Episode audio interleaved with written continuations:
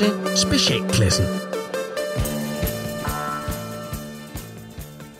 Du har ringet til Nationen-telefonen.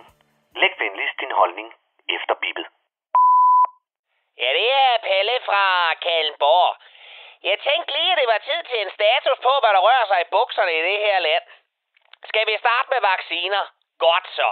AstraZeneca er blevet droppet helt, og vi burde måske have set det komme bare med navnet, som lyder som nævne de unge af hundkøn fra spældsegmentet på Østerbro. Jeg giver kraftet at rødme op.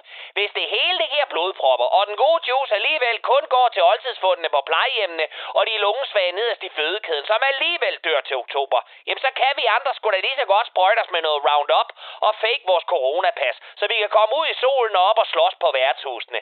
Det virker ikke til, at lortet det fungerer alligevel, og Statens Serum Instituts lovning på, at man ikke vil sende vacciner ud på det danske marked, som var testet i bund, viser sig så at være en stor fed løgmad med ristet løg ovenpå. Og når så selv de medicinelskende og pillepoppende amerikanere sætter deres egen Johnson Johnson i Peru, jamen så ser jeg sgu ingen anden mulighed end Roundup, kold afvaskning og et fækket coronapas. Jamen Palle, der kommer jo flere vacciner hele tiden. Bare rolig. Det skal nok nås det hele. Alt bliver godt igen. Hvis du mener den russiske Sputnik, så siger jeg ellers mange slags tak. Er det ikke nok, at coronaen kommer fra et totalitært styre, hvor stjernepsykopater sidder ved magten, og hvor menneskerettigheder er noget, man tør røv i, når man har spist hund og flagermus? Skal vi så også have vacciner fra yderligere en totalitær brækspand som Rusland? Et land så korrupt, kriminelt og uden sjæl, at selv ukrainske hjemrøver må ryste på hovedet. Hvem mindre du selvfølgelig mener, at med ondt skal ondt fordrives. For så er der måske noget om snakken. Og ved du hvad? Nu vi taler om ting uden sjæl, så kan jeg så forstå, at Nasser Carter, den nazistiske præmieperker, har måttet sygemelde sig med stress efter, at Søren Pape, den velklædte konservative arbejdsplade, havde ham til en kammeratlig samtale, fordi psykopaten, altså Carter, i årvis har rendt rundt og udsat diverse medier og privatpersoner for trusler og ekskærester for hævnporno. Nej, hov, nej, pas nu på, Palle. Det er jo ikke dokumenteret. Han kan finde på at der og nationen telefonen og måske hele Radio 4.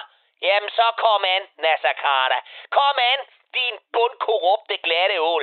Din magtmisbrug demagog demagoger folkeforfører.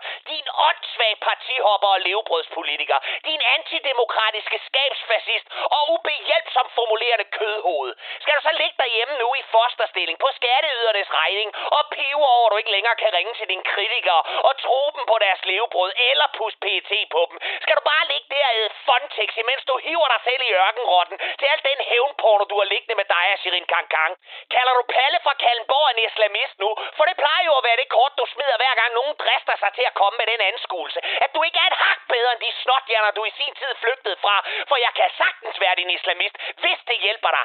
I'm your private Islamist, an Islamist for money. Og hvis du vil mig noget, så er der dialogkaffe på kanden her i Kallenborg. Eller også så kan du ringe til Radio 4 på 99 19 94 44. Men ellers så må du have skide god bedring, dit fucking kvej. Og det var Palle fra Kallenborg.